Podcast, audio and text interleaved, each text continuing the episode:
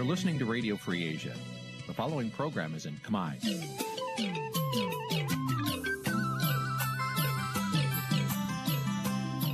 Nǐ chi càm bi tiệp xáy vệt chiu a zì sê នេះជាកម្មវិធីផ្សាយរបស់ Vithu Azisari ជាភាសាខ្មែរ វត្តឈូអាស៊ីសេរីសូមស្វាគមន៍លោកអ្នកនាងទាំងអស់ពីរដ្ឋធានី Washington នៃសហរដ្ឋអាមេរិកបាទ ពីរដ្ឋធានីវ៉ាស៊ីនតោនខ្ញុំបាទសេកបណ្ឌិតសូមជម្រាបសួរអស់លោកអ្នកនាងកញ្ញាទាំងអស់ជាទីមេត្រី បាទយើងខ្ញុំសូមជូនកម្មវិធីផ្សាយសម្រាប់យប់ថ្ងៃអាទិត្យ4រោចខែអាសាឍឆ្នាំឆ្នាំឆ្លូវឆ្នាំខាលចត្វាស័កពុទ្ធសករាជ2566ដែលត្រូវនៅថ្ងៃទី17ខែកក្កដាគ្រិស្តសករាជ2022បាទជាដំបូងនេះសូមអញ្ជើញអស់លោកអ្នកនាងស្ដាប់ព័ត៌មានប្រចាំថ្ងៃដែលមានមេតិការដូចតទៅ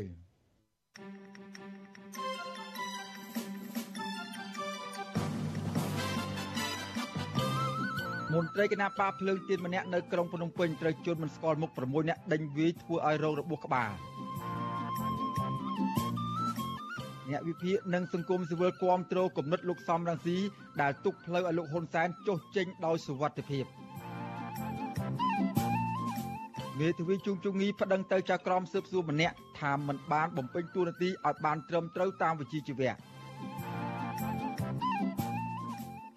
អង្គការសង្ត្រាល់អប់រំពលរដ្ឋអំពីសិទ្ធិការងារនិងការធ្វើចំណាក់ស្រុកស្របច្បាប់រួមនឹងព័ត៌មានផ្សេងផ្សេងមួយចំនួនទៀតបាទជាបន្តទៅទៀតនេះខ្ញុំបាទសេកបណ្ឌិតសូមជូនព័ត៌មានពិស្ដាបាទលោកនាងកញ្ញាជាទីមេត្រីមន្ត្រីគណៈបកភ្លើងទៀនម្នាក់នៅខណ្ឌពោធិ៍សែនជ័យរាជធានីភ្នំពេញត្រូវជន់មិនស្គាល់មុខជាច្រើនអ្នកព្រួតវាយនិងដែករលាស់ បណ្ដាលឲ្យរបួសធ្ងន់ធ្ងរដឹកទៅសង្គ្រោះបន្ទាន់នៅមន្ទីរពេទ្យភ្លាមភ្លាមនៅថ្ងៃនៅព្រឹកថ្ងៃទី17ខែកក្កដានេះបាទជនរងគ្រោះចាត់ទុកករណីហិង្សានេះថាគឺជាការប៉ុនប៉ងសម្លាប់និងគម្រិតកំហែងផ្នែកនយោបាយមន្ត្រីអង្គការសង្គមស៊ីវិលថ្កោលទោសចំពោះទង្វើនេះនិងជំរុញឲ្យសមាជិកស្វែងរកក្រុមជនដៃដល់យកមកផ្ដន់ទោសអនុវត្តច្បាប់ឲ្យបានឆាប់ដើម្បីផ្ដល់យុត្តិធម៌ដល់ជនរងគ្រោះនិងបញ្ជាការរិះគន់នានាពីមហាជន បាទលោកនាងនឹងបានស្ដាប់សេចក្តីរាយការណ៍ពិស្ដារអំពីរឿងនេះនាពេលបន្តិចទៀតបាទពាក់ព័ន្ធនឹងស្ថានភាពនយោបាយនេះដែរមន្ត្រីបាទអ្នកវិភាគនយោបាយនិងមន្ត្រីសិទ្ធិមនុស្សគាំទ្រកំណត់របស់លោកសំរងស៊ីប្រធានស្ដីទីគណៈបកសង្គ្រោះជាតិដែលមិនចង់ចងគំនុំសងសឹកជាមួយលោកនាយករដ្ឋមន្ត្រីហ៊ុនសែនប្រសិនបើលោកយល់ព្រមចុះចេញពីអំណាចបាទការលើកឡើងនេះគឺបន្ទាប់ពីលោកសំរងស៊ីប្រកាសថា គោលបំណងរបស់លោកដើម្បីឲ្យប្រជាពលរដ្ឋខ្មែររស់នៅបានសេចក្តីសុខដូច្នេះលោកអាចលើកលែងទោសឲ្យលោកហ៊ុនសែនប្រសិនបើលោកចាញ់ឆ្នោតហើយព្រមដើរចេញពីអំណាចនោះបាទលោកថាថៃមានសេចក្តីរាយការណ៍ពិស្ដារអំពីរឿងនេះ អ្នកវិភាគនយោបាយនិងមន្ត្រីសិទ្ធិមនុស្សលើកឡើងថាគោលជំហររបស់លោកសំរងស៊ីដែលមិនចង់គំនុំនយោបាយគឺជារឿងត្រឹមត្រូវក៏ប៉ុន្តែហាក់ដូចជាយឺតពេលព្រោះពេលនេះលោកហ៊ុនសែនកំពុងក្តាប់អំណាចណែនពេញដៃនិងកំពុងតែរិះរោបវិធីរក្សាអំណាចតវងត្រកូលជារៀងរហូត។ អ្នកវិភាគនយោបាយលោកកឹមសុខថ្លែងថាលោកគ្រប់គ្រងគំនិតរបស់លោកសំរងស៊ីនេះព្រោះជាគំនិតយោបល់ដែលស្រដៀងគ្នានឹងគំនិតរបស់លោកដែរកាលណាបង្ហាញចំហច្បាស់លាស់ក្នុងការផ្សះផ្សានិងដោះស្រាយបញ្ហាជាតិប្រជាពលរដ្ឋមើលឃើញថាអ្នកប្រជាធិបតេយ្យលោកសំរងស៊ីមើលឃើញលោកកឹមសុខា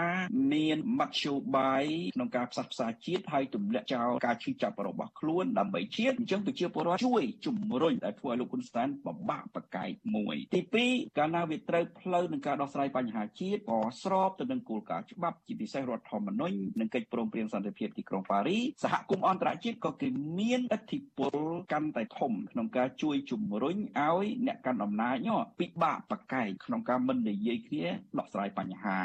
លោកកឹមសុខបន្តថាប្រសិនបើលោកហ៊ុនសែនមិនទទួលយកសំណើរបស់លោកសំរងស៊ីហើយបន្តរកវិធីរក្សាអំណាចតវងត្រកូល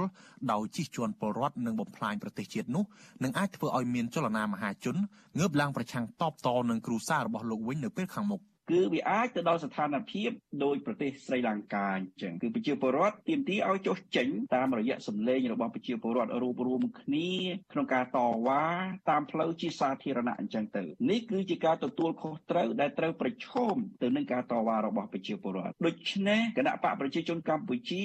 ជាពិសេសលោកហ៊ុនសែនបើមិនទទួលយកនៅអ្វីដែលជានយោបាយផ្សះផ្សាបង្រួបបង្រួមជំរុះចោលនៅអស្មិមនៈបុគ្គលឬក្រុមជាសត្រូវនឹងគ្នាហើយរកផលប្រយោជន៍ដើម្បីប្រទេសជាតិទេពួកគាត់គឺក្រុមលោកហ៊ុនសែននឹងត្រូវទទួលខុសត្រូវជៀសមិនផុតប្រធានស្ដីទីគណៈបកសង្គ្រោះជាតិលោកសំរងស៊ីថ្លែងក្នុងវេទិកាអ្នកស្ដាប់វិទ្យុអាស៊ីសេរីកាលពីថ្ងៃទី15កក្កដាថា ប្រសិនបើលោកហ៊ុនសែនរៀបចំការបោះឆ្នោតដោយសេរីត្រឹមត្រូវនិងយុត្តិធម៌ហើយហ៊ានប្រគល់អំណាចប្រសិនបើចាញ់ឆ្នោតនោះលោកសុកចិត្តជួយរៀបចំធានាសុវត្ថិភាពលោកហ៊ុនសែននិងគ្រួសាររបស់លោកនៅពេលអស់អំណាចលោកបញ្ជាក់ថាវិធីទាំងនោះដូចជារៀបចំច្បាប់លើកលែងទោសនាយករដ្ឋមន្ត្រីប្រធានរដ្ឋសភាព្រឹទ្ធសភាព្រមទាំងតែងតាំងកូនប្រុសរបស់លោកហ៊ុនសែនឲ្យគ្រប់គ្រងកងទ័ពជាដើមខ្ញុំមានភាពទន់ភ្លន់អាចចេះបាត់បែអាចចេះសម្របខ្លួន ធ្វើម៉េចឲ្យខ្មែរបានសុខបំណងរបស់ខ្ញុំគឺឲ្យខ្មែរបានសុខដូច្នេះដើម្បីធានាឲ្យខ្មែរបានសុខបើឲ្យលោកហ៊ុនសែនរួចខ្លួនឲ្យគាត់រួចខ្លួនអត់មានចង់ទៅសងសឹកអត់មានចង់ទៅចាប់គាត់ដាក់គុកឲ្យតឡាការកាត់ទោសបញ្ជូនទៅតឡាការអន្តរជាតិពីព្រោះគាត់អាចមានទោសទៅដល់តឡាការអន្តរជាតិ លោកសំរងស៊ីរំលឹកឡើងវិញថាកាលពីឆ្នាំ2014លោកហ៊ុនសែនគឺជាអ្នកដែលស្នើសុំឲ្យបកប្រឆាំងនិងបកប្រជាជនរៀបចំច្បាប់ការពារមេដឹកនាំជាន់ខ្ពស់រដ្ឋាភិបាលពេលអស់អំណាចលោកបញ្ជាក់ថាពេលនោះបកប្រឆាំងយល់ព្រមតាមសំណើប៉ុន្តែក្រោយមកលោកហ៊ុនសែនផ្លាស់ប្តូរចិត្តដោយចង់បន្តកាន់អំណាចដែលជាហេតុធ្វើឲ្យកិច្ចព្រមព្រៀងនោះជាប់គាំងទៅវិញ ទាក់ទងករណីនេះវិទ្យុអាស៊ីសេរីមិនអាចសុំការឆ្លើយតបពីអ្នកនាំពាក្យគណៈបកប្រជាជនកម្ពុជាលោកសុកអេសាននិងប្រធានអង្គភិបអ្នកនាំពាក្យរដ្ឋាភិបាលលោកផៃស៊ីផានបានទេនៅថ្ងៃទី17ខែកក្កដាក៏ប៉ុន្តែលោកហ៊ុនសែនធ្លាប់លើកឡើងកាលពីខែកញ្ញាឆ្នាំ2021ថា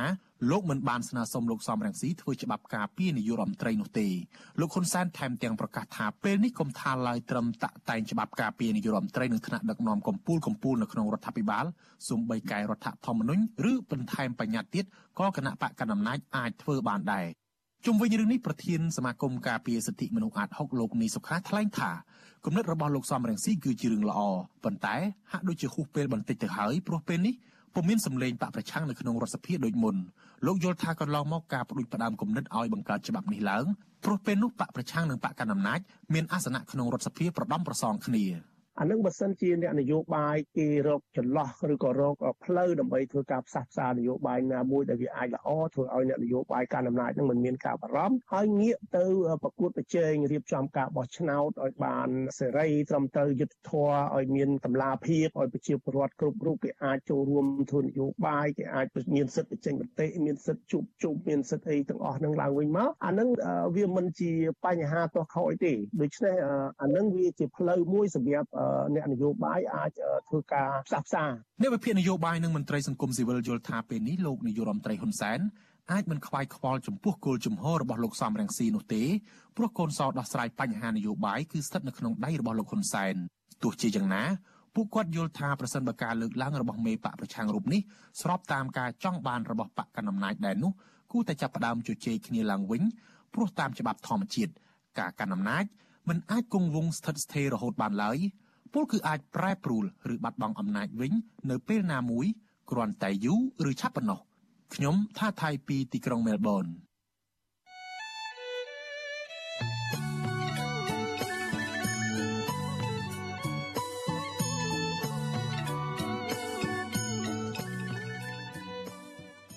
បាទលោកនាងកញ្ញាជាទីមេត្រីលោកនាងកំពុងតាមដានស្ដាប់ការផ្សាយរបស់វិទ្យុអសីសេរីពីរដ្ឋធានី Washington សហរដ្ឋអាមេរិក បាទក្រៅពីលោកដានៀងតាមដានស្ដាប់ការផ្សាយរបស់យើងខ្ញុំតាមរយៈ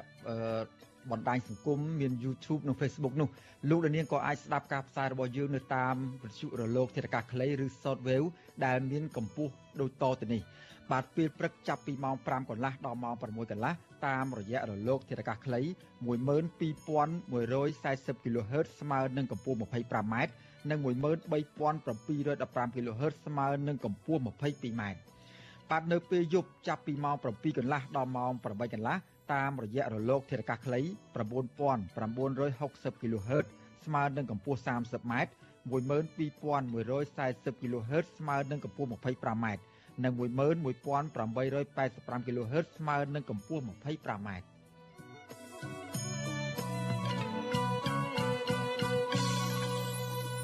បាទសេចក្តីរាយការណ៍ពាក់ព័ន្ធនឹងបញ្ហាពលករចំណាក់ស្រុកវិញ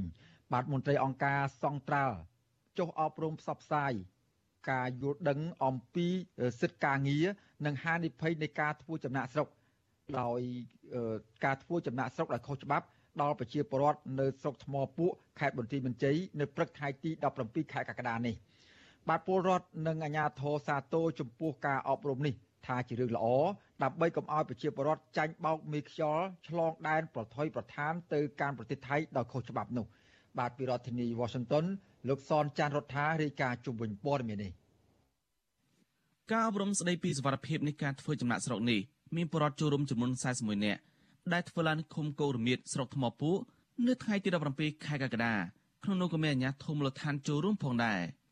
បរិវត្តនៅឃុំកោរមៀតលោកស្រីធានថៃប្រាវិទ្យាអេស៊ីសរ៉ៃថ្ងៃទី17ខែកក្កដាថាការអប់រំនេះជាការល្អប្រសើរហើយទទួលបានចំណេះដឹងថ្មីថ្មី ទាក់ទងទៅនឹងហានិភ័យនៃការធ្វើចំណាក់ស្រុកនិងច្បាប់ការងារមួយចំនួនបន្ថែមទៀតលោកស្រីបន្តថាកន្លងមកលោកស្រីមិនយល់ពីហានិភ័យនៃការធ្វើចំណាក់ស្រុកដោយខុសច្បាប់ប្រថុយប្រឋាននេះទេលោកស្រីអះអាងថាលោកស្រីក៏ធ្លាប់មានមេខ្យល់នាំឆ្លងដែនទៅធ្វើការងារនៅប្រទេសថៃដោយខុសច្បាប់ដែរហើយទទួលបានប្រាក់បន្តិចបន្តួចទៅតាមក្រុមមេខ្យល់ឲ្យដោយមិនហ៊ានតវ៉ាជាមួយពួកគេទេដោយសារខ្លាចអាញាធរថៃចាប់ដាក់ពន្ធនាគារលោកស្រីបញ្ជាក់ថាក្រោយពីចូលរួមវគ្គផ្សព្វផ្សាយនេះរួចលោកស្រីយល់ច្បាស់ថាកន្លងមក លោកស្រីបានចាញ់បោកក្រុមមេខ្យល់បានកេងប្រវ័ញ្ចកម្លាំងពលករ គាត់បានមកបញ្យលគាត់ក៏បញ្យលល្អដើម្បីលឿនយើងយើងទៅធ្វើការនៅប្រទេសថៃបើសិនជាគេបោកគេអីគាត់ឲ្យទំនាក់ទំនងតាមលេខទូរស័ព្ទអីបើយើងទៅណាមកណាក៏ទៅតាមច្បាប់ឲ្យមានបុរិផាតឲ្យមានដាស់ឡងដែនអីហ្នឹងណាពីមុនដឹងអីសោះបើបើគ្រូគាត់មកបញ្យលអញ្ចឹងមានន័យថាមានការយល់ច្រើនខ្ញុំចង់ឲ្យគាត់មកបញ្យលឲ្យបានច្រើនជាងហ្នឹងគាត់មកណែញឹកកាន់តែល្អបានយល់ច្រើនបើសម្រាប់កូនចៅទៅណាមកណាយើងក៏មានលេខទូរស័ព្ទលេខអីតាក់ទងទៅរពួកគាត់ហ្នឹងលោកគ្រូគាត់ដែលឲ្យលេខទូរស័ព្ទមកណានាយករងរដ្ឋបាលស្រុកថ្មពួកលោកថងសេរីតប្រាវិទ្យាអេស៊ីសរ៉ៃថាលោកសบายចិត្តនឹងសហការជាមួយអង្គការសង្ត្រាល់នៅក្នុងការផ្សព្វផ្សាយពីសិទ្ធិការងារនិងការធ្វើចំណាក់ស្រុកស្របច្បាប់ដល់ប្រជាជនក្នុងសហគមន៍លោកបន្តថាកន្លងមកអាញាធរស្រុកក៏តែងតែអប់រំប្រជាជនក្នុងសហគមន៍ឲ្យយល់អំពីការធ្វើចំណាក់ស្រុកដែរប៉ុន្តែលោកទទួលស្គាល់ថានៅមានចន្លោះប្រហោងខ្លះចំពោះការអនុវត្តការងារមួយចំនួនពីការផ្សព្វផ្សាយនេះ ដោយសារអាញាធរមានការងារមួយមានញឹកច្រើនលោកថងសេរីដឹងថារបាយការណ៍ឈុំទី1ឆ្នាំ2022របស់អាញាធរស្រុកគឺត្រឹមខែមិថុនាបង្ហាញថាប្រស្រុកថ្មពួកបានធ្វើចំណាក់ស្រុកជាង1500នាក់ក្នុងនោះមានស្ត្រី750នាក់ ក្នុងនាមខ្ញុំជាអាជ្ញាធរគឺយន្តការសម្រាប់ជួយអនុវត្តបានទលំទលាយតាមដាភូមិឃុំទី1បងគឺតាកតងនឹងការជំរុញដល់អាជ្ញាធរទៅជាឃុំភូមិឲ្យយកចិត្តទុកដាក់បង្កើនការយល់ដឹងដល់ជាបរិវត្តតាមរយៈកិច្ចប្រជុំឲ្យយើងអាចជំរុញឲ្យគាត់ផ្សព្វផ្សាយដាក់ក្នុងរបៀបវរៈកិច្ចប្រជុំសាមញ្ញរបស់ក្រមប្រឹក្សាឃុំក៏ដូចជាក្រមប្រឹក្សាស្រុកឲ្យមេភូមិជួយសហការជាមួយខាងអង្គការដៃគូក៏ដូចជាជួយផ្សព្វផ្សាយដល់ជាបរិវត្តថែមទៀតហើយចំពោះក្នុងនាមអាជ្ញាធរមួយរូបដែរខ្ញុំនឹងគៀងគោក៏ដូចជាអំពាវនាវនៅសូមអង្គការដៃគូឲ្យជួយគ្រប់គ្រងសកម្មភាពបានច្រើនយ៉ាងនេះទៀតការពីសង្ត្រាល់ក៏យើងនៅតែគៀងគោអង្គការដៃគូផ្សេងៗឲ្យមានការជួបផ្សព្វផ្សាយដែរជុំវិញរឿងនេះអ្នកសម្របសម្រួលនៅមជ្ឈមណ្ឌលធនធានពលករទេសន្តរប្រវេសនៃអង្គការសង្ត្រាល់ខេមរៈមន្ត្រីលោកសៀបសេហាប្រាវិទ្យាអេស៊ីសរ៉ៃថាអង្គការសង្ត្រាល់បានអប់រំបរិបពីសិទ្ធិការងារនិងការធ្វើចំណាក់ស្រុកដោយស្របច្បាប់ហើយការអប់រំផ្សព្វផ្សាយនៅបន្តធ្វើនៅស្រុកផ្សេងៗទៀតក្នុងខេមរៈមន្ត្រី ដើម្បីឲ្យប្រជាជនយល់ច្បាស់ពីសិទ្ធិការងារនិងការធ្វើចំណាក់ស្រុកដោយស្របច្បាប់ជៀសវាងការរំលោភបំពានផ្សេងៗពីតកាយនិងមេខ្យល់អំឡុងពេលធ្វើការនៅក្រៅប្រទេស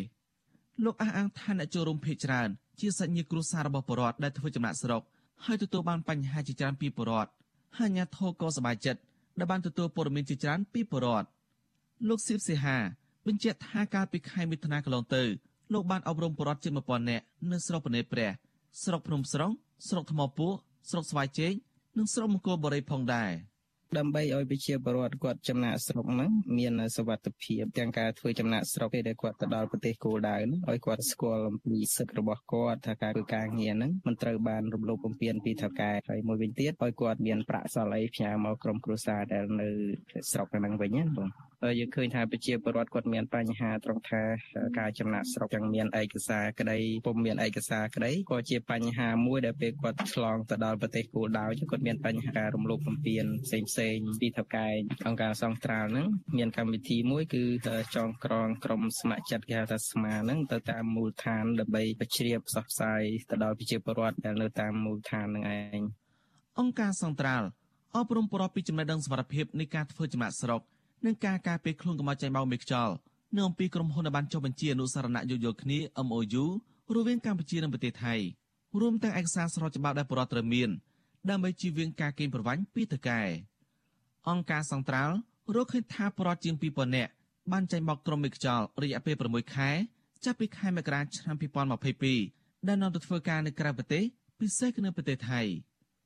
ខ្ញុំសនចាររថាវិទ្យុអេស៊ីសេរី រាយការណ៍ពីរដ្ឋធានីវ៉ាស៊ីនតោនបាទលោកនាងកញ្ញាជាទីមេត្រីពាក់ព័ន្ធនឹងស្ថានភាពរស់នៅរបស់មន្ត្រីនិងសកម្មជនរបស់គណៈបកភ្លើងទីននៅក្រៅការបោះឆ្នោតក្រុមប្រឹក្សាឃុំស្កាត់រួចមកហើយនេះក្តីនេះវិញបាទមន្ត្រីគណៈបកភ្លើងទីនម្នាក់នៅក្នុងខណ្ឌពោធិ៍សែនជ័យរាជធានីភ្នំពេញត្រូវជួនមិនស្គាល់មុខជាច្រើនអ្នកបានព្រួតគ្នាវាយនឹងដែករលាស់ បណ្ដាលឲ្យរបួសធ្ងន់ធ្ងរដឹកយកទៅសង្គ្រោះបន្ទាន់នៅមន្ទីរពេទ្យភ្លាមភ្លាមនៅព្រឹកថ្ងៃទី17ខែកក្កដានេះបាទជនរងគ្រោះចាត់ទុកករណីហិង្សានេះថាគឺជាការប៉ុនប៉ងសម្លាប់និងគំរាមកំហែងផ្នែកនយោបាយ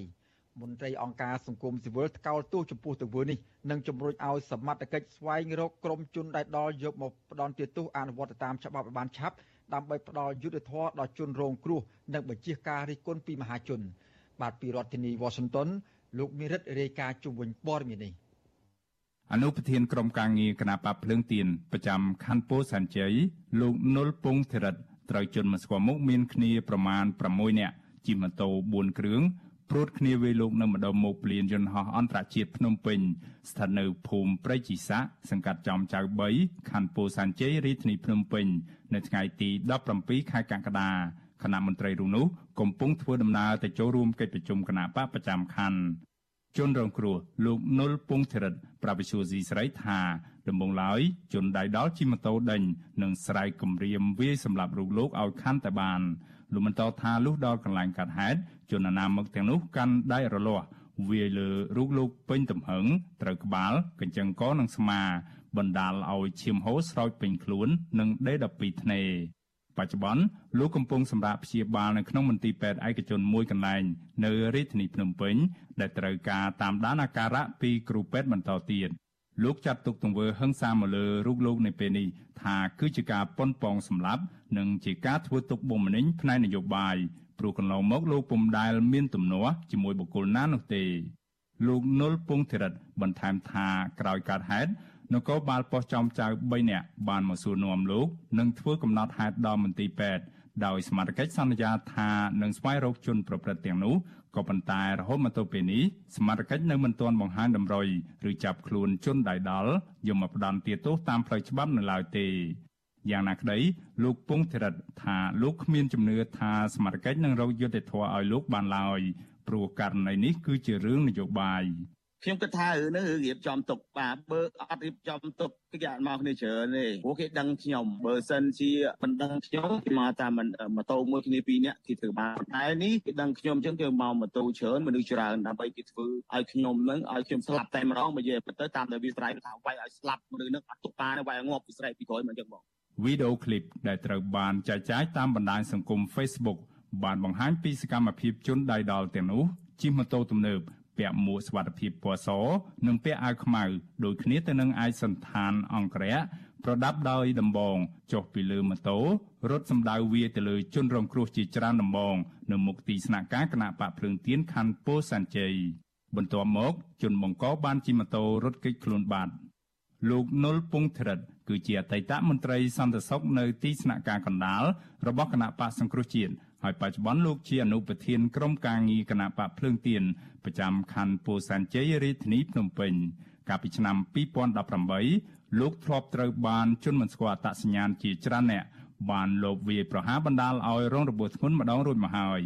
បន្ទាប់មកលោកក៏ទទួលបានសារគម្រាមតាមទូរស័ព្ទឲ្យលោកបញ្ឈប់សកម្មភាពនយោបាយជាមួយគណៈបកប្រឆាំងតទៅទៀតទោះជារងការធ្វើទុកបុកម្នេញស្ទើរគ្រប់រូបភាពយ៉ាងណាក៏ដោយក៏លោកនុលពងធិរិត នៅតែបន្តធ្វើសកម្មភាពនយោបាយរបស់ខ្លួនជាមួយគណៈបកភ្លើងទៀនដោយលោកតែងតែចោះជួបជាមួយសកម្មជនមូលដ្ឋាន ហើយពេលថ្មីៗនេះលោកបានចេញមុខគាំទ្រមេដឹកនាំគណៈបកគឺលោកសុនឆៃនៅមុខសាលាដំបងរាជធានីភ្នំពេញជាដើម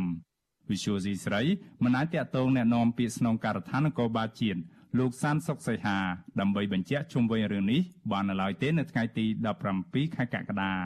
ក៏ប៉ុន្តែកន្លងមក លោកសានសុកសីហា តែងជំរុញឲ្យជនរងគ្រោះដាក់ពាក្យបណ្ដឹងនិងត្រូវសហការផ្ដល់ព័ត៌មានមកសមត្ថកិច្ចដើម្បីងាយស្រួលស្រាវជ្រាវករណីទាំងនោះទូយ៉ាងណាជនរងគ្រោះនៃអំពើហិង្សាកាលពីពេលកន្លងទៅ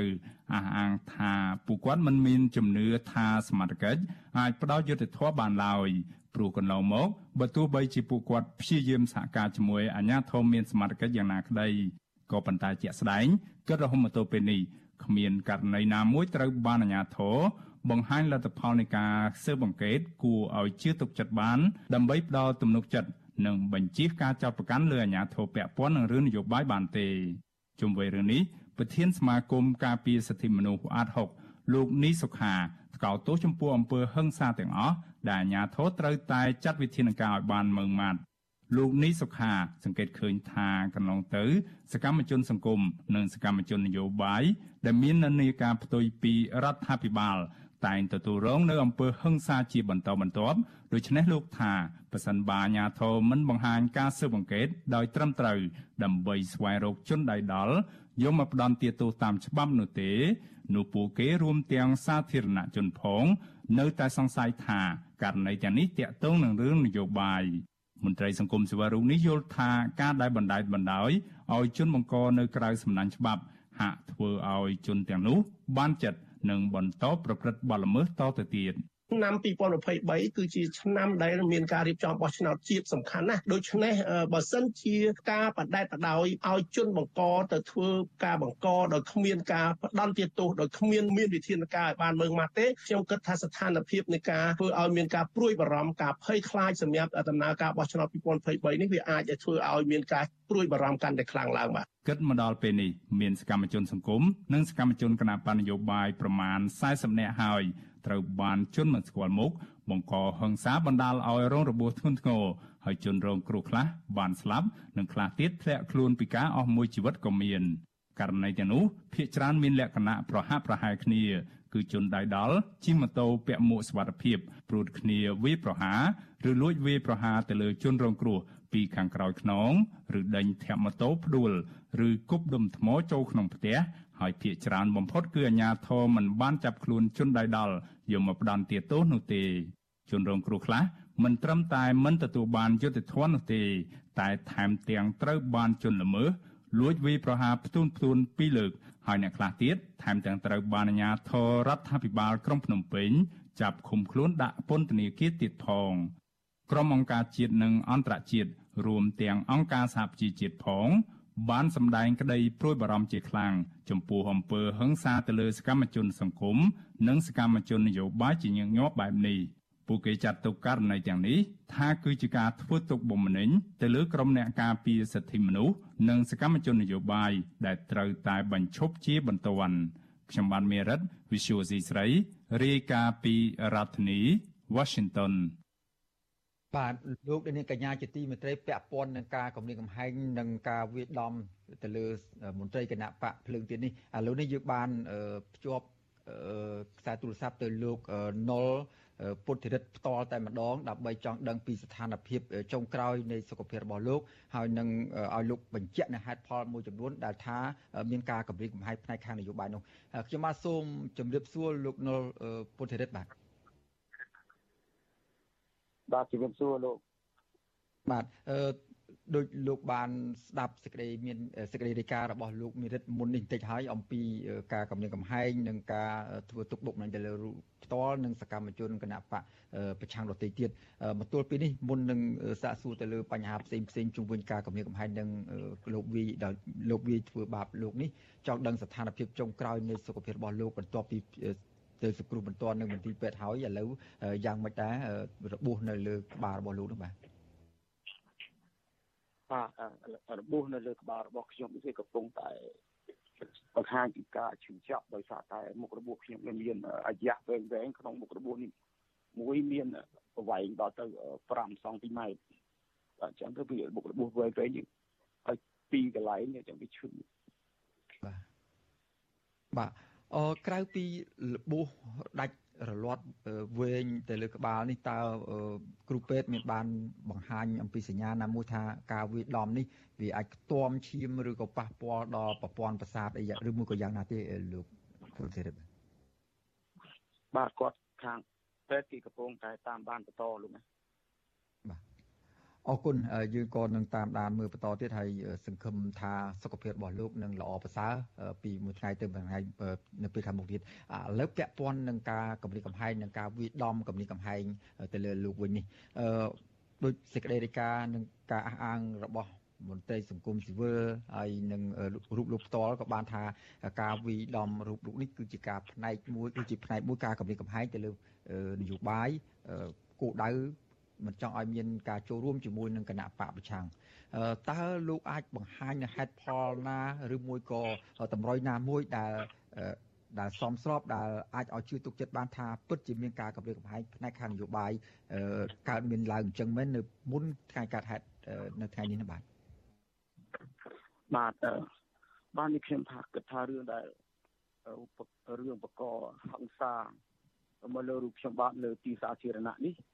ដល់យោងលើខ្ញុំខ្ញុំខ្លួនឯងផ្ទាល់មិនដែលមានបញ្ហាទំនាស់ជាមួយនឹងបុគ្គលណាជាទេណាខ្ញុំអត់មានទេទីមួយហើយមួយវិញទៀតខ្ញុំគឺជាមនុស្សដែលតែងទៅយកអាសាបងប្អូនដូចជាញាតិជិតខាងមិនដែលជាមានផលលមោះតាក់ទងនឹងរឿងអំពើហិង្សាណាមួយមកលើខ្លួនខ្ញុំត្រឡប់មកវិញទេដោយខ្ញុំនេះបើតាមដែលខ្ញុំមើលទៅគឺជាទៅរឿងនយោបាយសុទ្ធសាធព្រោះមនុស្សនេះពេលដែលខ្ញុំកំពុងតែ បើកបរដែលនៃកាច់ពងដែលបើកបរម៉ូតូគឺគាត់មកវាយហើយគាត់ស្រែកទៅធាត់ថាត្រូវតែសម្លាប់ខ្ញុំឲ្យបានគាត់និយាយគាត់ស្រែកយើងគាត់មានអ្នកបញ្ជាពីក្រោយខ្នងគាត់ហើយគាត់ថាត្រូវតែសម្លាប់ខ្ញុំឲ្យបានបាទចំណុចហ្នឹងបានបាទចំណុចហ្នឹងបានជាខ្ញុំថាវាជារឿងអឺនៅនៅគេហៅថាជារឿងគម្រាមកំហែងផ្នែកនយោបាយបាទ នឹងឲ្យឃើញរូបភាពវីដេអូដែលគេថតបានយកមកផ្សាយនេះដូចលោកអ្នកនាងបានឃើញមិញឃើញថាជនសង្ស័យជនល្មើសនឹងដេញឲ្យប្រសាចចុះពីលើម៉ូតូប្រសាចដោយសមត្ថទៅរួមលោកពងធរិតអឺប៉ុន្តែមុនថ្ងៃកើតហេតុនៅថ្ងៃនេះតើមានសញ្ញាណាមួយដែលបង្ហាញថាលោកមានគេតាមឬមួយក៏មាន គឺថាជាពាក្យសម្ដីឌឺដងគ្នានៅក្នុងផ្នែកនយោបាយតាមរយៈបណ្ដាញសង្គមឬមួយក៏ដោយផ្ទាល់ឬក៏ដោយប្រយោលណាមួយទេបាទអឺខ្ញុំបើខ្ញុំគិតមិនខុសទេថ្ងៃដែលខ្ញុំទៅទៅទៅមុខតឡាការរាជធានីខ្ញុំទៅលើកទឹកចិត្តឯកឧត្តមអនុប្រធានសុនឆៃហើយខ្ញុំមានគេតាមថតខ្ញុំ តែពួកគេតាមថតខ្ញុំលើកទៅលើកទី1នេះគេតាមថតខ្ញុំរហូតហើយខ្ញុំក៏ចេះតែប្រយ័ត្នដែរប្រយ័ត្នទៅថាជាប្រយ័ត្នផ្លូវឆ្ងាយមិនបានប្រយ័ត្នផ្លូវចិត្តចឹងណាហើយក៏ដល់មកលើកទី2ថ្ងៃទី15ដែលលោកអនុប្រធានសុនឆៃទៅឡើងសកម្មការម្ដងទៀតក៏ខ្ញុំទៅទៅទៅទៅទៅទៅលើកទឹកចិត្តលោកម្ដងទៀតហើយក៏មានគេលួចថតខ្ញុំដដែលអញ្ចឹងណាហើយជួយ ដល់អញ្ចឹងខ្ញុំគិតថាវាជាបប្របត្តិកាលពីចំនួនខ្ញុំនៅជាមនុស្សរបស់គណៈបកសង្គ្រោះជាតិក៏ប៉ុន្តែដល់ពេលដែលខ្ញុំមកជាមន្ត្រីរបស់គណៈបកភ្លើងទៀនហើយខ្ញុំគិតថាពួកគាត់នឹងមិនមិនមិនធ្វើរឿងនឹងដាក់ខ្ញុំទេព្រោះខ្ញុំបានលាចេញពីបកសង្គ្រោះជាតិនេះមកចូលរួមជាមួយនឹងបកភ្លើងទៀនហើយចាប់ពីអញ្ចឹងខ្ញុំរៀងប្រហែសដល់ខ្ញុំរៀងប្រហែសអញ្ចឹងទៅខ្ញុំដែលពិសាអាហារពេលព្រឹកហើយក៏ខ្ញុំ ធ្វើដំណើរពីផ្ទះខ្ញុំទៅកន្លែងដែលគេប្រជុំនោះវាស្មើនឹងដី1គីឡូទេស្មើនឹង1គីឡូម៉ែត្រទេអញ្ចឹងហើយក៏ខ្ញុំជិះម៉ូតូហ្នឹងក៏ក៏ក៏មិនបានពាក់មួកហើយខ្ញុំនឹកឃើញថាវិចិត្រដែរហើយនៅក្នុងនិយាយរួមនៅក្នុងសង្កត់ភូមិជាមួយគ្នាអញ្ចឹងណាដើមភូមិចុងភូមិអញ្ចឹងហើយក៏ខ្ញុំជិះម៉ូតូទៅខ្ញុំវាអត់បានចាប់អារម្មណ៍ថាគេពាត់វាយខ្ញុំគេអីទេដោយសារតែខ្ញុំគិតថាវាក្បែរក្បែរគ្នាក៏ខ្ញុំមានប្រហែសដោយសារខ្ញុំអត់ពាក់មួកអញ្ចឹងទៅតែតែខ្ញុំគេវាយលើកទី1នោះ គឺកញ្ចឹងកដែលគេប្រើដបងរលាស់បាទម៉ូតូគ្នាគេនឹងជិះគ្នាពីរនាក់ម្នាក់ឈរវាយហើយម្នាក់ជិះគេជាអ្នកបើកបរទៅបាត់មួយវាយខ្ញុំត្រូវមួយទៅហើយហើយហហើយក៏មកមួយទៀតមកវាយម្ដងមួយទៀតត្រូវខ្ញុំមកអាដបងរលាស់ដដែលហ្នឹងមួយទៀតត្រូវស្មាហើយក៏ទៅគេទៅផុតបាត់បន្ទុះមិនមែនបន្ទុះក៏មកមួយទៀតហ្នឹងគឺចាប់បានត្រូវក្បាលខ្ញុំតែក្បាលខ្ញុំខាងក្រោយនេះគឺមានប្រវែង6ហ៊ុនហ្នឹង6សង់ទីម៉ែត្រហ្នឹង ហើយមកដល់ពេលទៅខ្ញុំមកដល់កន្លែងខ្ញុំទៅចូលរួមទៅទៅប្រជុំថ្នាក់ណែណែណែណែសង្កាត់ទាំង7របស់ខ្ញុំទៅប្រជុំហ្នឹងខ្ញុំក៏ផ្ដល់ទៅនោះខ្ញុំកាច់បួងម៉ូតូបុកចូលមកបុកចូលហ្នឹងមានជនម្នាក់ជនពីរនាក់ហ្នឹងជិះម៉ូតូតាមតាមមកវាយខ្ញុំមួយទៀតគឺត្រូវជិតត្រូវលើជាតិការខាងស្ដាំហ្នឹងគឺឲ្យបែកដាច់កសៃឈាមហូរបាញ់យ៉ាងខ្លាំងតែម្ដងបានខ្ញុំ ចាប់ដើមឈឺចាប់ដើមឈឺដោយសារតែទី1ចាប់ដើមឈឺទី2ចាប់ដើមគេហៅថារៀងវិលរៀងស្ទើបាទបាយស្ទើដោយសារតែកន្លែងនឹងជាកន្លែងសំខាន់ហើយដាច់ពូជជាច្រើនអញ្ចឹងក៏ខ្ញុំបួងទៅដល់កន្លែងខ្ញុំប្រជុំនឹងឲ្យក្រុមការងារទាំង7សង្កាត់ហ្នឹងលោកឃើញចាក់ស្ដែងតែម្ដងពេលនេះខ្ញុំទៅជប់ឲ្យពួកគាត់ជួយហើយពួកហ្នឹងអាពួកដែលជន់ដៃដល់គឺវាអត់ហ៊ានចូលមកដល់ទៅនឹងទេគឺវាគ្រាន់ហើយខ្ញុំអត់ជប់ម៉ូតូគឺវិលកង់រហូត ខ្ញុំវិលកង់រហូតម៉ូតូអត់មានជប់ទេបើមិនជាខ្ញុំជប់ហើយជាគេអាចនឹងវាយខ្ញុំតតែស្លាប់តែម្ដងព្រោះគេបានស្រែកពីក្រោយក្នុងថាត្រូវតែសម្លាប់ខ្ញុំទៅបាននិយាយចឹងណាបាទនោះជាជាជារឿងព្រឹកមិញព្រឹកមិញនឹងតែតែម្ដងបាទអឺតាមពិតលោកពងធរិតកាលពីនៅជាមន្ត្រីសកម្មជនគណៈបកសង្គ្រោះជាតិក៏ធ្លាប់បាន មានជនមិនស្គាល់មុខអឺតាមកម្រិតកំហែងតាមអីចឹងដែរអឺ បន្ទួលពេលទៅចូលមកគណៈបកភ្លើងទីននេះក៏មានការកម្រិតកំហែងកាន់តែធ្ងន់ធ្ងរជាងលើកមុនទៅទៀតតាមលោកការរៀបរាប់មកនេះអឺប៉ុន្តែបើសិនជាអំពីការជន់សង្ស័យវិញតាមកើតហេតុតាំងពីលោកនៅគណៈបកភ្លើងការនៅគណៈបកសង្គ្រោះជាតិរហូតមកដល់ចូលដល់គណៈបកភ្លើងទៀតនេះតើលោកអាចកត់សម្គាល់ជនល្មើសឬមួយក៏ជនសង្ស័យនោះថាជាមនុស្សក្រុមតែមួយទេឬមួយក៏មានគេហៅថា សមាជិកមកពីផ្សេងផ្សេងតំបន់ផ្សេងផ្សេងគ្នាបាទបើតាមតែខ្ញុំយល់មិនខុសគឺថាគឺជាមនុស្សក្រុមតែមួយទេគេបង្កើតក្រុមតែមួយដល់ពេលណាគេដែលយើងទៅដល់មុខតឡាការហ្នឹងគេតែតែថតរូបចឹងទៅគេថតរូបបានហើយគេកំណត់គោលដៅគេទៅត្រូវធ្វើហើយចឹងណាហើយឃើញមនុស្សថ្មីទៅអ្នកដែលមានមុខមានមាត់អីចឹងទៅគឺគេចាប់ផ្ដើមថតរូបហើយគេកំណត់គោលដៅគេនឹងតាម វាយប្រហារអញ្ចឹងអញ្ចឹងបាទព្រោះករណីនេះវាមិនមែនមានត្រឹមតែខ្ញុំទេគឺគ្នាយើងជាច្រើនដូចលោកប្អូនលុញសុមនីនេះក៏ត្រូវបានគេមកវាយគេជិះម៉ូតូតាមវាយនៅក្បែរផ្សារថ្មីដូចជាខ្ញុំអញ្ចឹងដែរអញ្ចឹងខ្ញុំគិតថាក្រុមនេះគឺជាក្រុមតែមួយទេអញ្ចឹងណាបាទ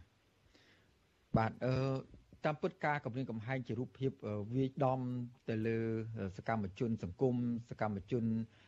គណៈបកប្រឆាំងនេះមិនមែនជារឿងលើកទី1ទេតែងតែកើតមានឡើងជាបន្តបន្ទាប់នៅក្រោយនឹងមុនការបោះឆ្នោតសំខាន់សំខាន់ណាមួយសូម្បីតែលោកគង់រាយាដែលពីមុនជាសកម្មជនសង្គមហ្នឹងក៏ត្រូវមានគេវាដំស្ទើរតែស្លាប់ស្ទើរតែរស់ដែរហើយអ្នកគ្រូ ប្រធានសមាគមគ្រូបង្រៀនកម្ពុជាឯករាជ្យនេះក៏ត្រូវគេគៀម៉ូតូជិះគៀប្រោផ្ដួលឲ្យមានការរងមានរបួសធ្ងន់នេះដែរសកម្មភាពអស់ទាំងនេះតើវិជាការកម្រិតកំហែងមួយធ្ងន់ធ្ងរដល់ដំណើរការចូលរួមទៅដល់ក្នុងសង្គមប្រជាធិបតេយ្យការចូលរួមរបស់ប្រជាពលរដ្ឋទៅជាមួយនឹងគណៈបកនយោបាយដែលត្រៀមខ្លួននឹងចូលរួមប្រកួតប្រជែងនៅក្នុងការបោះឆ្នោតជ្រើសតំណាងរាស្ត្រនៅឆ្នាំក្រោយនេះដែរទេបាទ វាជាការគម្រាមកំហែងមួយយ៉ាងខ្លាំងដល់ប្រជាពលរដ្ឋខ្មែរជាពិសេសចាប់ពីរូបខ្ញុំក៏ដូចជាសកម្មជនសកម្មនារីរបស់គណៈបកភ្លើងទៀនទាំងអស់វាគឺជាគេហៅថាជាការគម្រាមកំហែងបំផិតបំភ័យមួយទៅដល់មន្ត្រីគណៈបកប្រឆាំងទាំងអស់កុំឲ្យលេចធ្លូកុំឲ្យធ្វើកិច្ចការងារសម្រាប់គណៈបករបស់ខ្លួន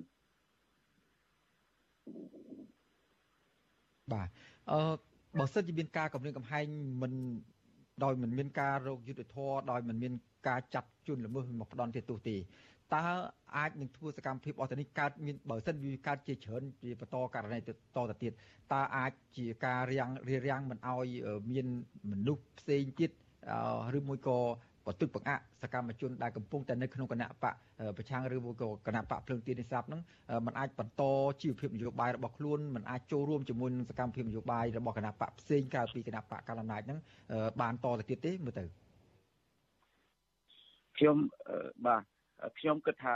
វាមិនមែនជារឿងទី1ដូចខ្ញុំបានជំរាបអញ្ចឹងហើយខ្ញុំក៏ជាប់ជួបនៅរឿងនេះជារឿងទី2ដែរដូចខ្ញុំសម្រាប់ខ្ញុំផ្ទាល់ទេណាគឺខ្ញុំមិនបោះបង់ខ្ញុំមិនរាថយគឺខ្ញុំនៅតែ រួមដំណើរជាមួយនឹងគណៈបកភ្លើងទៀនតទៅមុខទៀត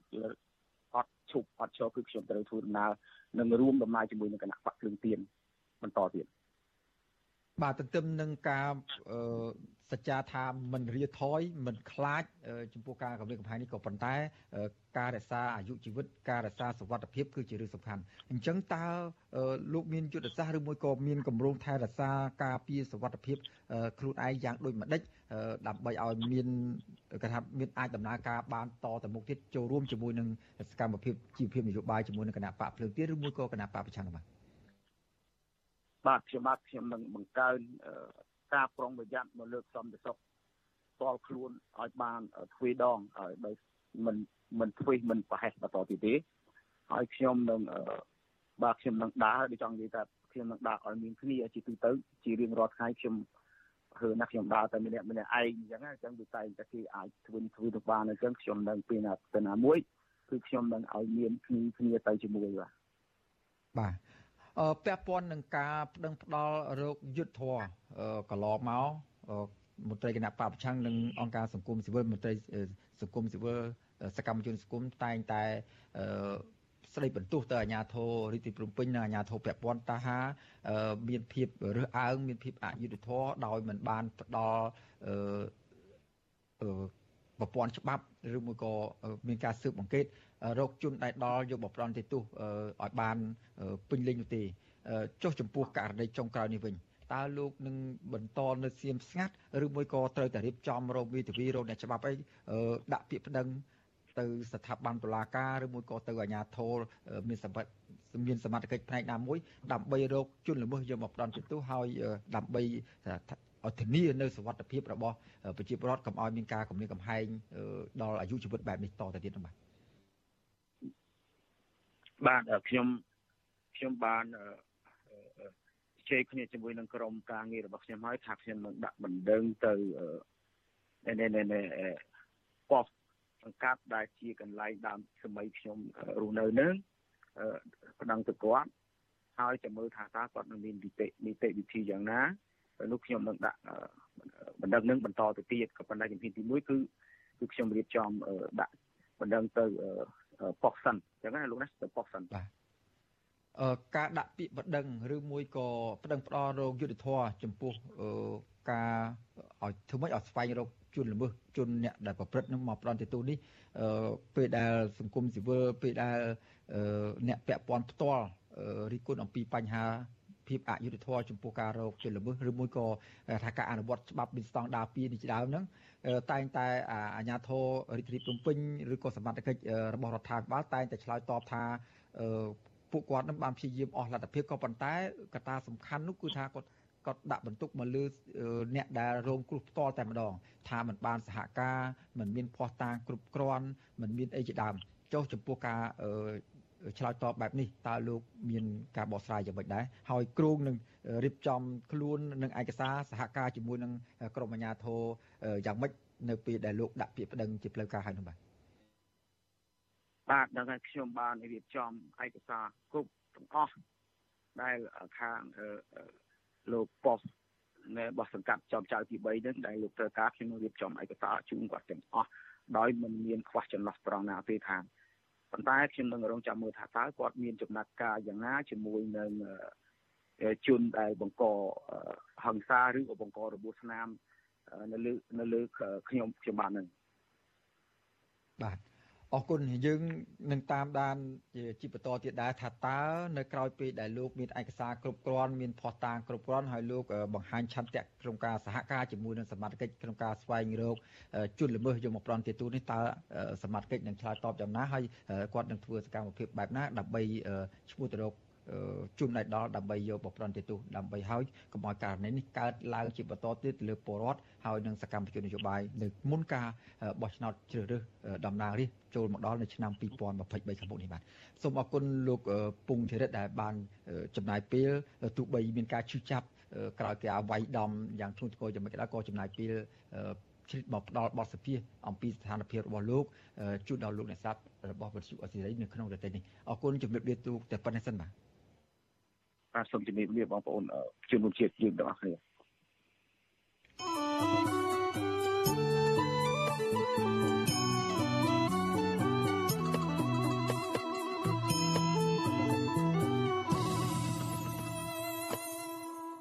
បាទលោកនាងកញ្ញាជាទីមេត្រីពាក់ព័ន្ធនឹងសាលាក្តីខ្មែរក្រហមឯនោះវិញបាទអ្នកជំនាញចង់ឃើញសាលាក្តីកូនកាត់ខ្មែរក្រហមហៅកាត់ថាអវតកបឬហៅថា CCE ឬហៅថា ECCC បើកជំហរការចូលអានឯកសារការលប្រវត្តិនានាពាក់ព័ន្ធនឹងរឿងរ៉ាវ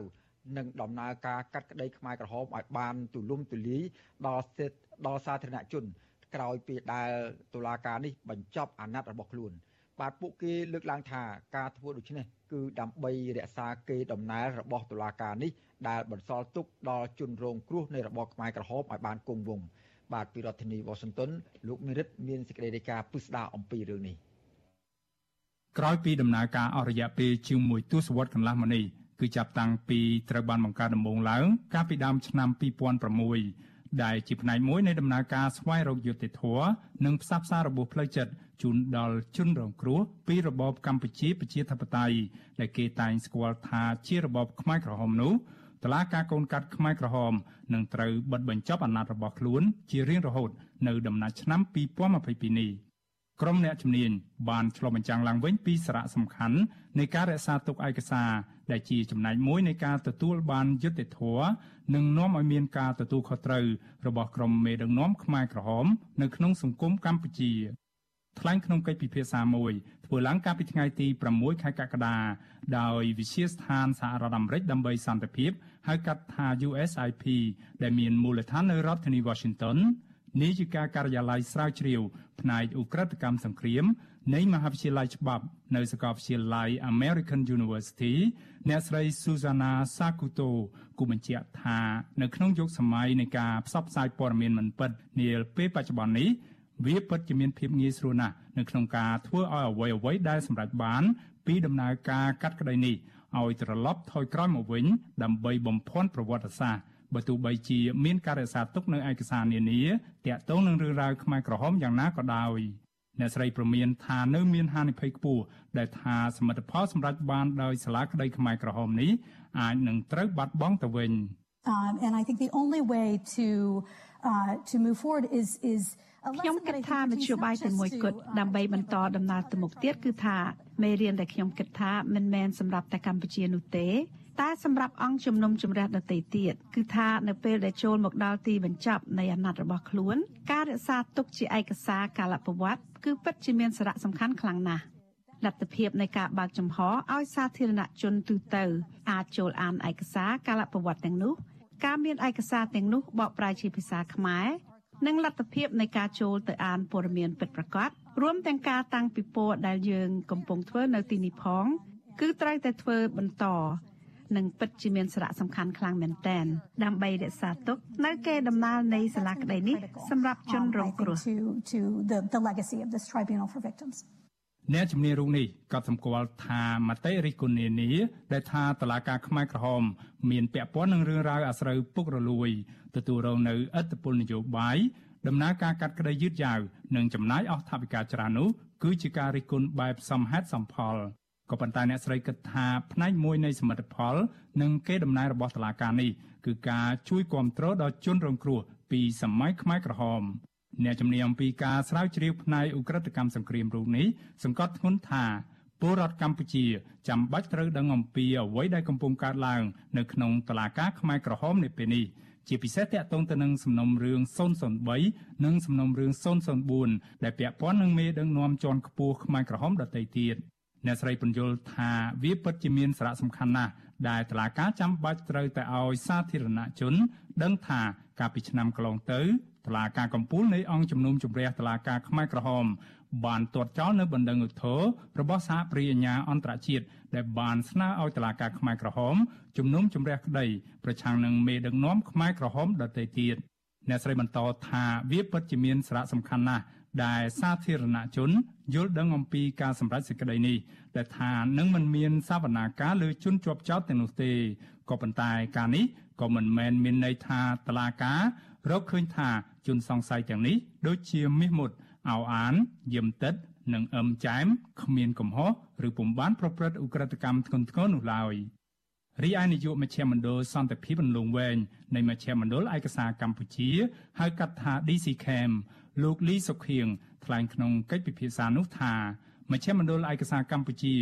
បានរៀបចំឲ្យមាននៅឯកសារកាលប្រវត្តិផ្ដោតលើសម័យខ្មែរក្រហមពីឆ្នាំ1975ដល់ឆ្នាំ1979និងនៅក្រោយសម័យខ្មែរក្រហមលោកថាមជ្ឈមណ្ឌលរបស់លោកបានចងក្រងនៅឯកសារពាក់ព័ន្ធនឹងខ្មែរក្រហមចំនួនជាង220,000ឯកសារស្មើនឹងជាង1លាន1សែនទំព័រ ក្រៅពីនោះមជ្ឈមណ្ឌលឯកសារកម្ពុជាក៏បានរកឃើញនៅមន្ទីរឃុំឃាំងឬគុកកាលពីសម័យខ្មែរក្រហម ចំនួន197និងកន្លែងកប់សពចំនួនជិត20000កន្លែង ស្មើនឹង390ទីតាំងដោយឡែកអ្នកកាសែតជើងចាស់ជនជាតិអាមេរិកាំងនិងជាអ្នកនិពន្ធសៀវភៅអំពីខ្មែរក្រហម ដែលមានចំណងជើងថា នៅពេលដែលសង្គ្រាមរលត់ទៅ អ្នកស្រី Elizabeth Becker ថ្លែងថាតឡាការខ្មែរក្រហម បាននាំមកនូវប្រវត្តិសាស្ត្រជូនប្រជាជនកម្ពុជាវិញ ដែលបច្ចុប្បន្នឯកសារតម្កល់ទុកជាច្រើនត្រូវបានរក្សាទុកនៅមជ្ឈមណ្ឌលឯកសារកម្ពុជា និងដោយតឡាការខ្មែរក្រហមអ្នកស្រីពន្យល់ថាគឺដោយសារតែតឡាការខ្មែរក្រហមនេះហើយទើបបានជាពលរដ្ឋកម្ពុជា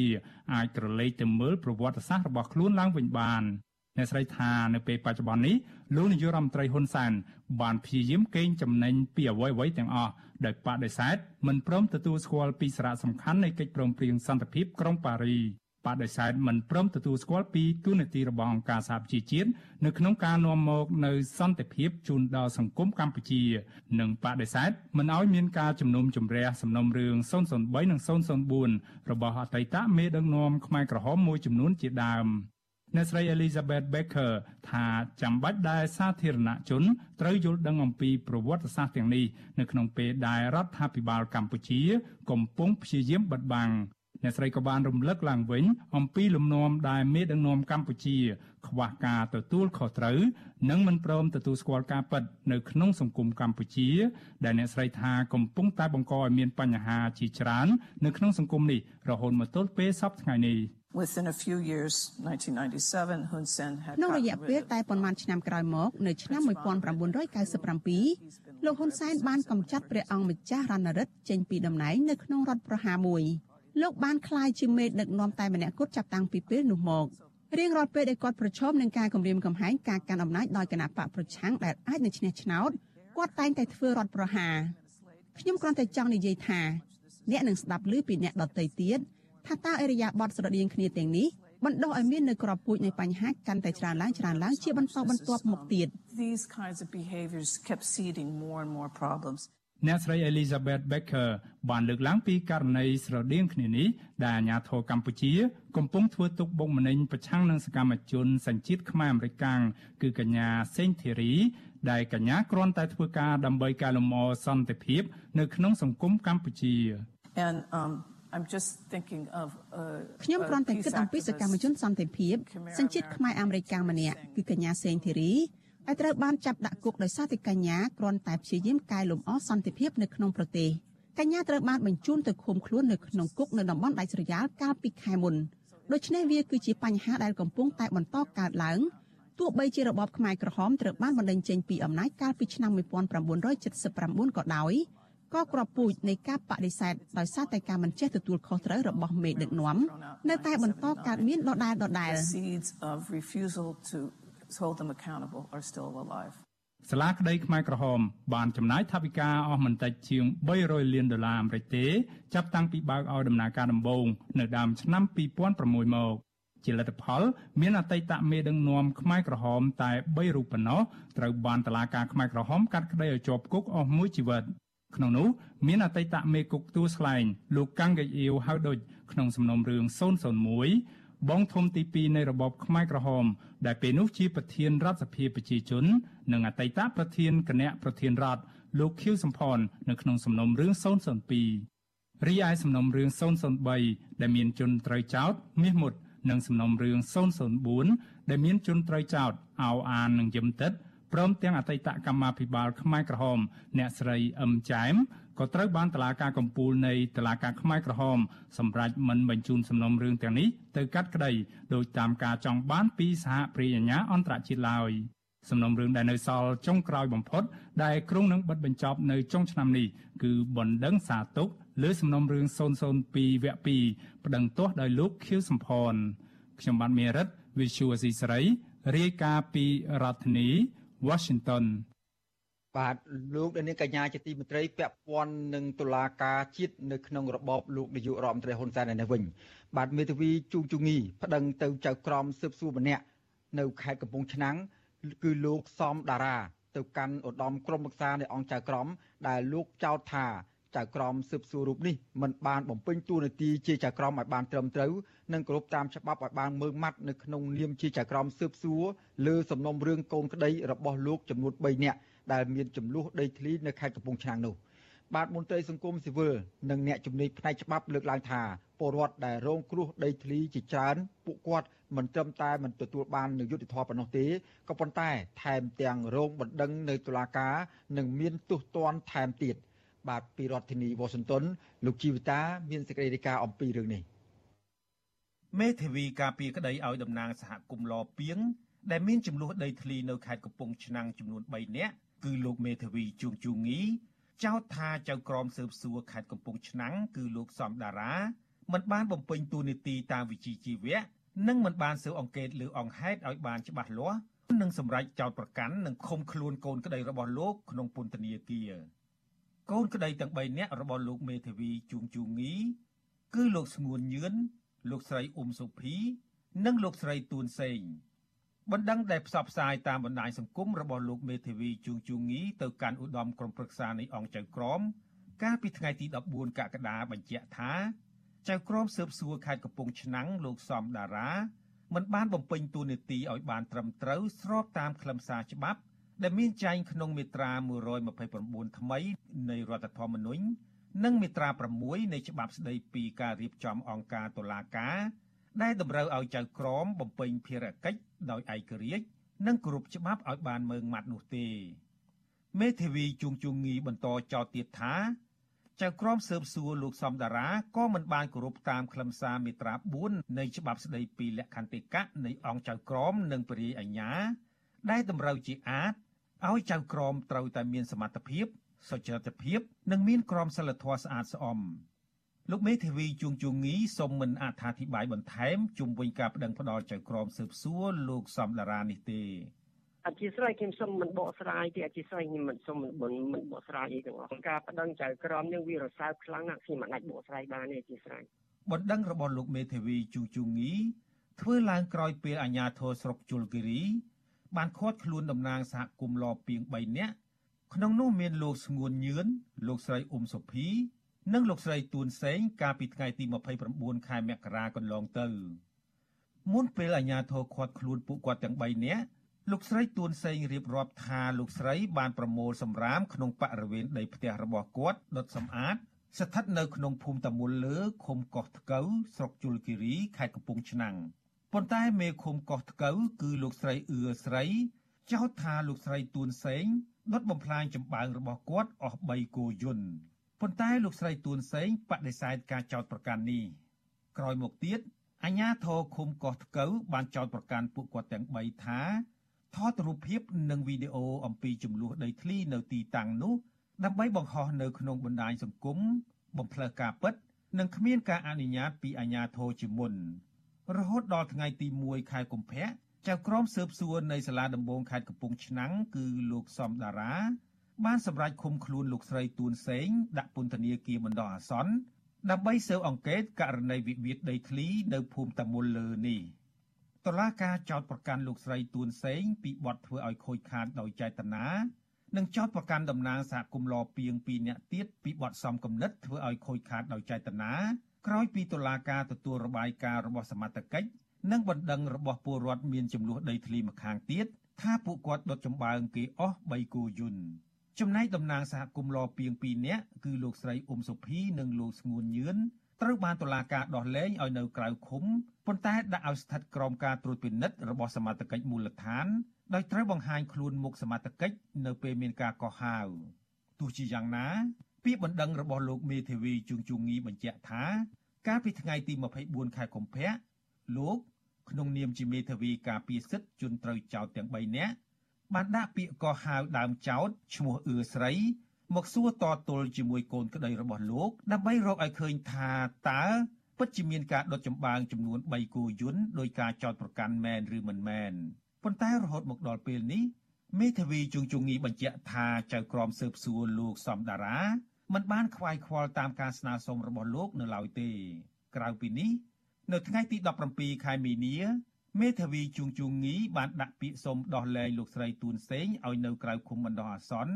ស្របតាមក្រមនីតិវិធីព្រហ្មទណ្ឌប៉ុន្តែលោកចៅក្រមស៊ើបសួរសំដារាមិនបានសម្រេចលើពាក្យសុំរបស់លោកនោះឡើយមេធាវីជួងជងងីក៏បានដាក់លិខិតអន្តរាគមន៍ជាច្រើនជាបន្តបន្ទាប់ទៀត ក្នុងនោះលោកក៏ស្នើឲ្យលោកស្រីអ៊ុំសុភីនិងលោកស្ងួនញឿនអាចបង្ហាញខ្លួននៅប៉ុស្តិ៍នគរបាលរដ្ឋបាលតាចេះស្រុកកំពង់ត្រឡាចខេត្តកំពង់ឆ្នាំងជំនួសឲ្យការចូលមកបង្ហាញខ្លួននៅចំពោះមុខចៅក្រមនិងដាក់ពាក្យសុំដោះលែងលោកស្រីទួនសេងជាបន្តបន្ទាប់មិនបានបញ្ជូនសំណុំរឿងទៅជំនុំជម្រះតាមការស្នើរបស់លោកឡើយជុំវិញការចោទប្រកាន់នេះវិទ្យុអាស៊ីសេរីមិនអាចតាក់ទងចៅក្រមស៊ើបសួរលោកសំដារា និងអ្នកនាំពាក្យសាលាដំបងខេត្តកំពង់ឆ្នាំងលោកឡុងស៊ីថាបានទេ នៅថ្ងៃទី17កក្កដាទោះជាយ៉ាងណាតឡាការខេត្តកំពង់ឆ្នាំងបានដោះលែងលោកស្រីទួនសេងឲ្យនៅក្រៅឃុំបណ្ដោះអាសន្នកាលពីថ្ងៃទី30មិថុនាប៉ុន្តែតុលាការនេះមិនទាន់ទម្លាក់បទចោទប្រកាន់លើលោកស្រី និងតំណាងសហគមន៍2នាក់ផ្សេងទៀតនៅឡើយទេប្រពន្ធលោកស្ងួនញឿនគឺលោកស្រីអ៊ុំសុភីដែលមានចំនួនដីធ្លីក្នុងខេត្តកំពង់ឆ្នាំង ដែលជាជនជាប់ចោទទាំងពីរនាក់ប្តីប្រពន្ធក្នុងសំណុំរឿងនេះប្រាវិទ្យុអាស៊ីសេរីថា នៅកម្ពុជាគ្មានទេយុតិធធសម្រាប់ពលរដ្ឋបាត់បង់ដីធ្លី និងពលរដ្ឋក្រីក្រដែលជាប់បណ្ដឹងពីក្រុមអ្នកមានលុយដោយសារតែតុលាការកាត់ក្តីទៅតាមតែការបញ្ជារបស់អ្នកមានអំណាច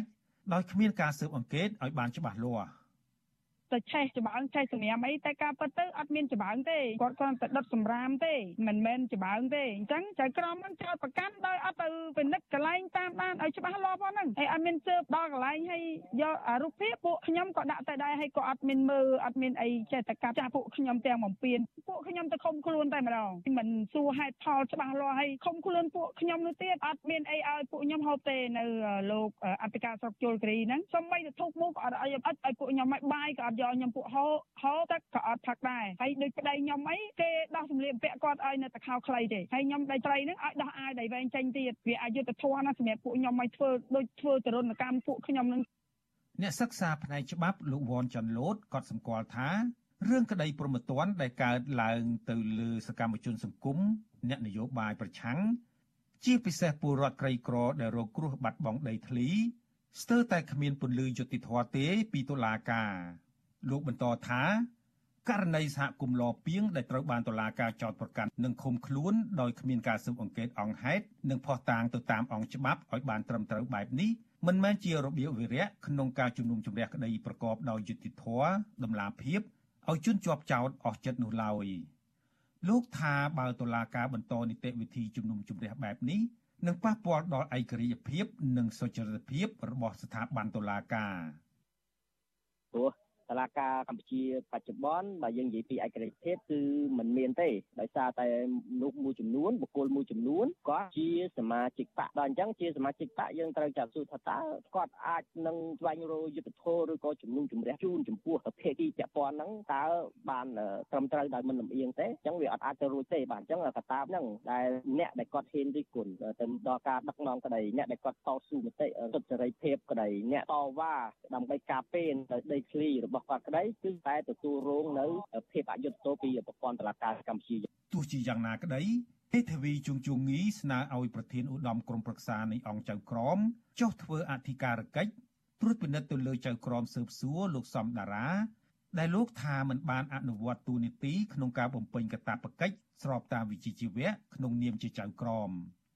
ខ្ញុំជីវិតាអាស៊ីសេរី បាទលោកនាងកញ្ញាជាទីមេត្រីលោកនាងកំពុងតាមដានស្ដាប់ការផ្សាយរបស់វិទ្យុអស៊ីសេរីពីរដ្ឋធានីវ៉ាស៊ីនតោនសហរដ្ឋអាមេរិកបាទការផ្សាយរបស់យើងនៅរាត្រីថ្ងៃអាទិត្យនេះបានឈានដល់ទីបញ្ចប់ហើយខ្ញុំបាទសេកបណ្ឌិតសូមគ្រប់ជូនពរដល់អស់លោកនាងឲ្យជួបប្រកបតែនឹងសេចក្តីសុខចម្រើនរុងរឿងកំបីគ្លៀងគ្លេឡើយខ្ញុំបាទសូមអរគុណនិងសូមជម្រាបលា បាទរាត្រីសួស្តី thank you